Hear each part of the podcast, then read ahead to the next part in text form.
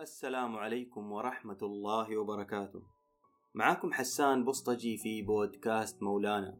راح أتكلم معاكم عن مفاهيم من أعماق الفكر في الذات. ويشاركني اليوم هذه المفاهيم أنس بوشناق مختص وباحث في علم النفس مهتم برفع وعي الإنسان لاكتشاف ذاته ومساراته وموطن استخلافه في الحياة. اهلين وسهلين فيك أخوي حسان وسعيد بوجودي معاك. الله يسعدك. الله يسلمك يا رب. أنس في زياراتي الدائمة لمحلات الخضار والفواكه وجدت الكثير منها موجود طوال السنة. لدرجة ما صرنا نعرف إيش موسمها الحقيقي بالفعل مثل الطماطم والتفاح والبرتقال وغيرها. أه تساءلت بيني وبين نفسي فوجدت السبب في هذا يعود لمصطلح التأقلم أو التكيف وأن النباتات دعمت بأشياء بسيطة وقليلة مقارنة بالمحصول المستخرج فأنتجت طوال السنة ولم تستسلم لفكرة إحنا بيئة صحراوية أو بيئة استوائية. والإنسان طبعا هو أقدر المخلوقات على التأقلم والمرونة نحو التغيير. فراح أبدأ السؤال يعني بسياق التأقلم. ما الفرق بين التأقلم والتعود والاستسلام؟ وما هي أهمية التأقلم؟ طيب أخوي حسان كما قلت إنه الإنسان مفترض أن يكون أقدر على التكيف والتأقلم بما أن الله تعالى جعله كائن متكيف ومتأقلم مع البيئة. فهو قادر أن يعيش في في أصعب الظروف التي فرضت عليه إذا إذا فرضت عليه. وذلك عن طريق قدرات عقله المذهلة في حجب المخاطر أو تهوين الأهوال. لكن هذه القدرة أحيانا تتحول إلى مصدر خطر. فأحيانا في تعود الإنسان على كما يقولوا مناطق الراحة أحيانا قد يكون الإنسان بسبب تعوده بسبب تكرار هذه هذه الأوضاع تقل عنده قدرات ومهارات التكيف والتأقلم. فهذا هذا اللي جايين نتكلم عنه اليوم إنه كيف الإنسان يسترجع دائما ويتذكر ويكون عنده الاستعداد المسبق لكل الظروف لكل الاحتمالات اللي حتساعده إنه بإن شاء الله إنه هو يكون متأقلم أكثر مع أي بيئة مع أي بيئة أو مع أي ظروف ينحط فيها. جميل جدا. دوام الحال من المحال. فالانغماس الشديد في واقعك يكون الخوف من التغيير. إيش التفسير النفسي لهذا الشيء؟ طيب كجواب, كجواب للسؤال الإنسان دائما ما يحبذ أو يفضل أنه يضع نفسه في بيئة وفي أوضاع وفي أحوال متناسقة معاه يعرف مداخلها ومخارجها يعرف كيف يتعامل كيف يتأقلم مع هذه الظروف. المعروفة بالنسبة له لأنه أي ظرف أي تغيير أي شيء جديد يحتاج له adjustment أو يحتاج له تغيير يحتاج له طريقة تعامل مختلفة. فهذا بحد ذاته أحيانا الإنسان يتهرب منه أو يفضل عدم وجوده لأنه التفكير والتحليل هذه عمليات مش سهلة. أحيانا في الناس تختلف. في بعض الناس عندهم ال critical thinking أو التفكير المعقد يسموه التفكير والتحليل شيء يعتبر سهل لكن بشكل عام الإنسان يحاول أنه يكون في بيئة في ظروف دائما آمنة. آمنة غير ما تتغير. لكن ليس هذا مختلف أو هذا يعارض طبيعة الحياة وسنة الحياة اللي نحن عايش عايشينها. زي ما قلت دوام الحال من المحال. والشيء الثابت والثابت في هذه الدنيا اللي هو التغيير. لذلك الرسول صلى الله عليه وسلم كان يقول اللهم يا مقلب القلوب. حتى القلوب تتغير والدنيا ت... والأوضاع تختلف. طب السؤال نحن كيف نتعامل؟ أو إيش الجوانب النفسية الإنسان يحتاج إنه هو يدعمها أو يوعى فيها؟ ممكن نقول إنه التوقع كحد غير قبل التوقع الوعي. الوعي بهذه الأمور الوعي بأن الدنيا غير ثابتة الدنيا دائما متغيرة. الوعي بهذا النقطة بحد ذاته حيساعد الإنسان آه، وحيساعده في الاستعداد النفسي لأنه اللي بيصير أحيانا إنه التغيير هذا خصوصا التغيير المفاجئ لما يطلع على الإنسان يلخبطه ويبعثر حياته ويبعثر أموره لكن إذا كان في تقب... توقع مسبق التعامل مع مع المتغير حيكون أسهل حيكون في تقبل ما حيكون في رفض وإنكار وتهرب وإنما حيكون في تقبل واستعداد للتعامل حتى إنسان يتجاوز هذه هذه التغيرات مع وجود مع وجود بعض يعني بعض العوامل اللي, اللي تساعد الإنسان آه، على التأقلم والتكيف منها مثلا آه، لو إنسان سافر إلى بلد جديدة أو راح إلى بيئة عمل جديدة زي ما نحن الشباب أحيانا نسب نسب تغيير العمل كبيرة. فواحدة من الأشياء اللي تساعد إنك أنت تتعرف على الناس تتعرف على المح... البيئة اللي أنت عايش فيها تبني جسور آه تنخرط أكثر أكبر أكثر في المجتمع. أنا كنت عايش في أمريكا فترة فكنت شايف الفرق بين الشخص اللي منخرط في المجتمع ومدى تأقلمه وتكيفه مع البيئة ومع الشخص اللي آه ما قدر وما لقى جسور أو ما بنى جسور بينه وبين المجتمع الجديد اللي عاش فيه. فهذه بعض الأمور اللي تساعد الإنسان إنه آه إنه يتكيف ويتأقلم مع البيئة اللي الجديدة أو مع الوضع الجديد اللي هو عايش فيه. إذا آه نقدر نقول إنه التغيير العشوائي والتغيير المدروس يؤثر على سرعة التأقلم بمعنى إنه نقص المعرفة يصعب التأقلم أو توجد وسائل نفسية تخليني أكثر آه، تأقلما بغض النظر عن نوع التغيير سواء عشوائي أو تغير مدروس معروفة مقاييسه. أفهم من سؤالك إنه أحيانا يكون التغيير أو يكون الوضع اللي نحن الوضع المزعج أو الوضع الغير مريح بالنسبة لنا يكون بسببنا نحن.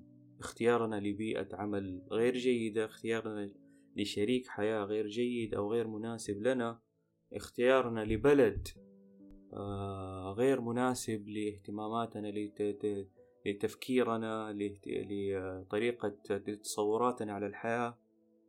هذه الأمور أحيانا نحن اللي نخلقها لنفسنا وسببها يعود إلى عدم معرفتنا بذواتنا. الإنسان اختياراته المفروض تكون متماشية مع مع مع اهتماماته مع طبيعة طبائعه. لكن آه، هذا الشيء أنا أشوفه كثير آه، خصوصا في العلاقات. الإنسان بيختار الشخص الغلط بسبب إنه هو ما عرف هو مين هو إيش يحب هو إيش ال lifestyle اللي اللي يحب إنه يعيش يعيش عليه. فهذه الأمور كلها تح يعني لو إنسان يعني من سؤالك إنه نقص العلم ونقص المعرفة بالأشياء هو اللي يخلينا أحيانا إنه اختياراتنا تكون غير غير موفقة وغير سديدة. لكن الجانب الآخر اللي هو الأمور اللي تطرأ على حياتنا التغييرات اللي تكون مو بسبب سببنا مو في داخل داخل داخل آه، دائرة تحكمنا هي اللي نحتاج إنه يكون عندنا التوقع المسبق لها بحيث إنه تساعدنا نتقبل مع وجود إيماننا بأن الله تعالى هو المدبر للكون مدبر لحياتنا وأن الله تعالى اختياراته لنا هي الاختيارات الأفضل والأمثل. أحيانا هنا في هذه النقطة يحدث أحيانا استياء عند الإنسان لما يخطط ويرتب لموضوع معين لموضوع من لأمور مثلا في مهنية أو للارتباط لأي مخطط كان. ننسى إنه إنه ما يكون عند هي هو هو هو في في فكرة جيدة إنه هو موضوع خ... إن تحط خطة ألف وباء وجيم. لكن أول شيء وجود الاحتمالات المتعددة هذا شيء جيد. لكن أحيانا ما تكون أو تكون النتيجة خارج الاحتمالات. هذه فهنا يجي هنا يجي دور الإيمان بالله عز وجل. وإنه نحن كيف نكون منفتحين على كل الاحتمالات بحيث إنه الإنسان آه اللي عليك إيش هو اللي عليك؟ اللي عليك السعي والنتيجة هي خارج دائرة تحكمنا فأنت تكون راضي بكل النتائج اللي تحصل فهذا ال هذا ال هذا التفكير والوعي المسبق حيساعدك إنك أنت تتقبل النتائج والأشياء اللي تحصل لك. فهذا هو الجواب لنقطة إنه التغييرات المفاجئة واللي تكون اللي تطرأ على حياتنا. فأول شيء زي ما قلنا استعداد مسبق وتهيئة نفسية مسبقة هي اللي اللي حتساعدك كثير. أنا أقول خمسين في المية الاستعداد النفسي ووضع الاحتمالات الواقعية برضو الواقعية في الحياة إنه إنه أحيانا في في بعض الظروف أو بعض الأسباب اللي تطرأ على أهدافنا وعلى على توجهاتنا تخلينا أو تخلي الأهداف حقتنا ما نصل لها بنسبة مية في المية وأحيانا قد ما, نحصل ما نصل إليها تماما. فكيف يكون عندنا الرضا والتسليم للنتائج؟ لأنها خارج دائرة تحكمنا. نحن نحن نكون راضين عن نفسنا بسعينا وبمجهودنا. وهو اللي نحن اللي, اللي ممكن نحن نرجع له ونحاسبه ونعمل له evaluation ونعمل له يعني تحسين وتطوير. لأي مشروع مسبق آه مشروع مستقبلي. اللهم اهدنا الصراط المستقيم. آه على صيرة المهنية آه التأقلم مع الناس يعني هذا سؤال دائما يخطر على بالي. التأقلم مع الناس آه هل التسليك هو التأقلم؟ والطريقة يعني لكيفية تحقيق التأقلم كبيئة العمل مثلا. نعم. والله هو التسليك ممكن يمشي معانا لفترة معينة لكن آه، ما هو حل دائم. آه، نرجع تاني إلى أنه أنا دائما أحب آه، أتطرق للأمور من الجوانب يسموها الوقائية أو الاستعدادية. إنه كيف أنت؟ أول حاجة أنت ذكرت إنه بيئة عمل. بيئة العمل حيكون الناس اللي حيكون في بيئة العمل ما ناس أنت ما اخترت إنهم يكونوا إنهم يشتغلوا معاك. آه هذا الشيء بيحصل في بيئة العمل بتحصل في المدارس بتحصل في في الجامعات بتحصل في بعض ال ال يعني ال ال السياقات اللي الإنسان ما يختار الدائرة الاجتماعية والدائرة اللي حوالينه. فهذا ال فهذا ال هذه ال ال الأمور تخلينا إن نحن أول حاجة نستوعب إنه الناس مختلفين. يعني الله تعالى خلقنا باختلافات وتمايز ما بيننا.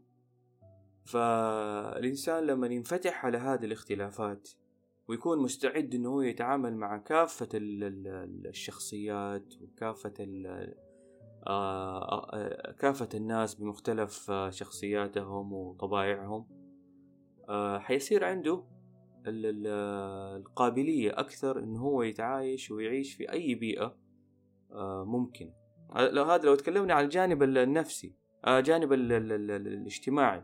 في الجوانب الثانية اللي هي الجوانب البيئية اللي تكلمنا عنها قبل شوية هذه برضو ترى تفرق كثير. عشان كذا في في مجالات في مجالات اسمها مثلا في مجالات تحت آه، علم النفس اسمها مثلا تخصص علم النفس المهني يدرس البيئة اللي حيشتغل فيها الإنسان بحيث إنه كيف تتطور وتتحسن بما يتناسب مع أو كيف كيف آه، يخلق تخلق بيئة عمل جيدة تساعد على الإيجابية وعلى الإنتاجية وعلى الراحة النفسية. كثير من الشركات Google Microsoft بتحاول إن هي بتهتم بهذه النقطة. إنه كيف تخلق بيئة مناسبة للموظف بحيث إن الموظف اللي حيشتغل في هذه البيئة يكون مرتاح. لكن أنت ما حتستنى الشركة إنها توفر لك هذه البيئة. أنت تحاول إنك أنت تتأقلم نفسيا مع هذه البيئة. فإذا كانت بيئة حالية أنت عايش فيها وحاسس فيها مثلا ببعض الأمور اللي بتصعب عليك التكيف مع مع البيئة تبدأ تشوف تشخص الوضع تشخص الواقع.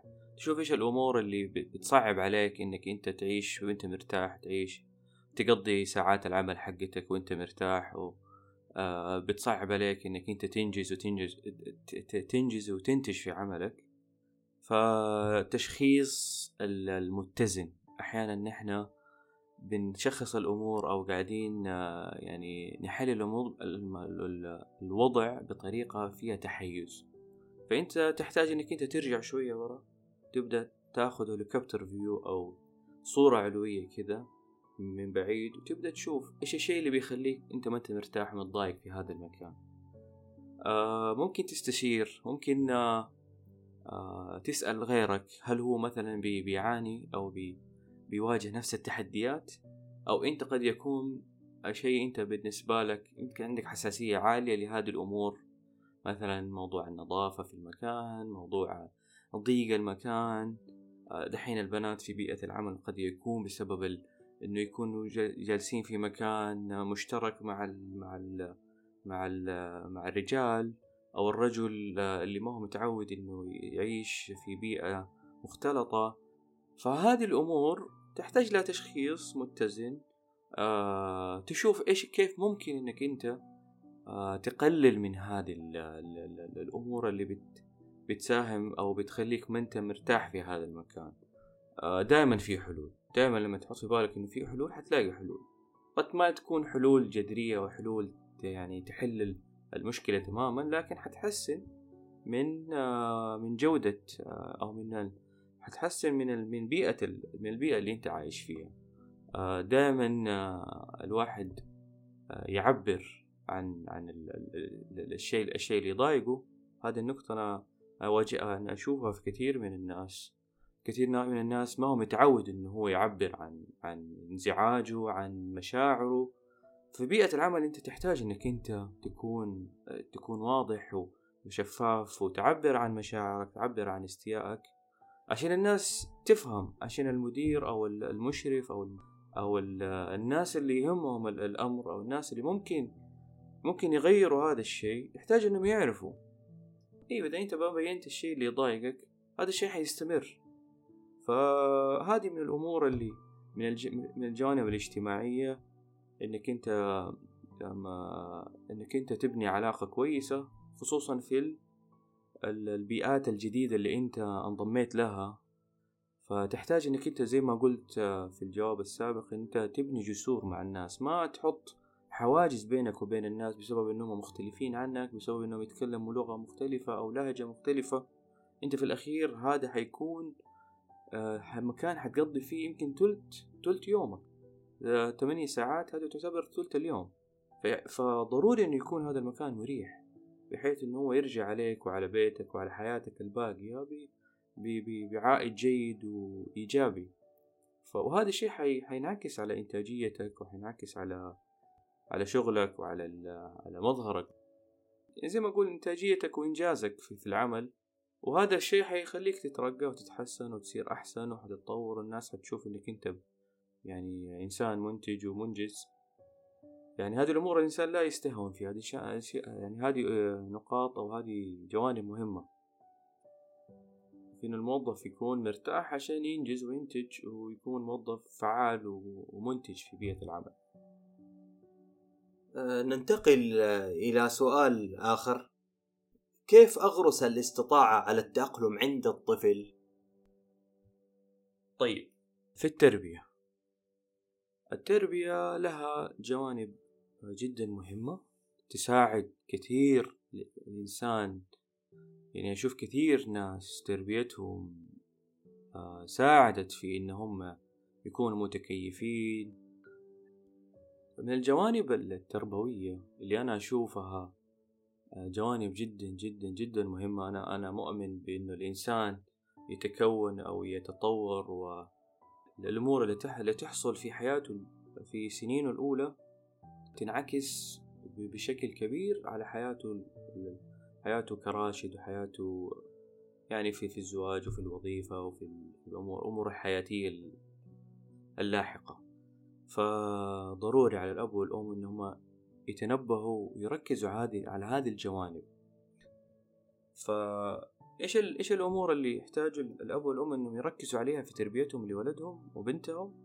أول حاجة يعلموا الطفل إنه كيف يميز التغ... الاختلافات والتغيرات اللي بتحصل ولا يس... وال uncertain يسموها ال uncertainties الأشياء المختلفة. هذه من البداية. إنه ترى الحياة يطل... يعني يدوهم ما ما يعطوهم يعني هذا هذا شيء يحصل في التربية إنه الأب الأم الأب والأم قاعدين يرسموا صورة كذا مثالية للحياة. لا هذا الشيء ما ما, ليس في صالح الطفل إنه هو يشوف الحياة بصورة وردية. وبعدين لما يكبر ينصدم بصورة أو بأشياء تانية ما كان شايفها. فأول حاجة يربى الطفل إنه هو يلاحظ ويشوف الأشياء المتغيرة في الحياة. الشيء الثاني تشجيع الطفل إنه يتأجست أو إنه يعيد الضبط أو يعدل من سلوكه تجاه الأشياء اللي المختلفة. مثلا الطفل لما يروح المدرسة يشوف إنه في أشياء بتتغير. الام تجلس مع مع الطفل تقول له طيب كيف نحن نسوي هذا الشيء في المدرسة؟ إيش رأيك؟ كيف ممكن نحن نعمله في هذا في هذه البيئة الجديدة في هذا المكان الجديد؟ فهذا بيساعد الطفل إنه يفكر ترى الشيء اللي بيصير في البيت ممكن يصير بطريقة مختلفة خارج البيت في المدرسة أو عند أصحابه أو عند اقاربه هذه النقطة الثانية. النقطة الثالثة توري أو الأب والأم يوروا الطفل الفائدة أنت هو إيش حيستفيد لما هو يعمل هذا الادجستمنت في اللي سواه في في المكان أو في في الوضع المختلف. إحنا لما مثلا هذه تشوفها في المطاعم. الولد لما يجلس ياكل مثلا تقول لولدي كل مثلا في المطعم مو زي ما إحنا ناكل في البيت. نحتاج إن نكون نتصرف نتعامل بطريقة مختلفة. في الويتر حيجينا ياخذ الطلبات مننا نتكلم بطريقة معينة إن الصحن حقنا مثلا نحطه بطريقة ناكل بطريقة مختلفة.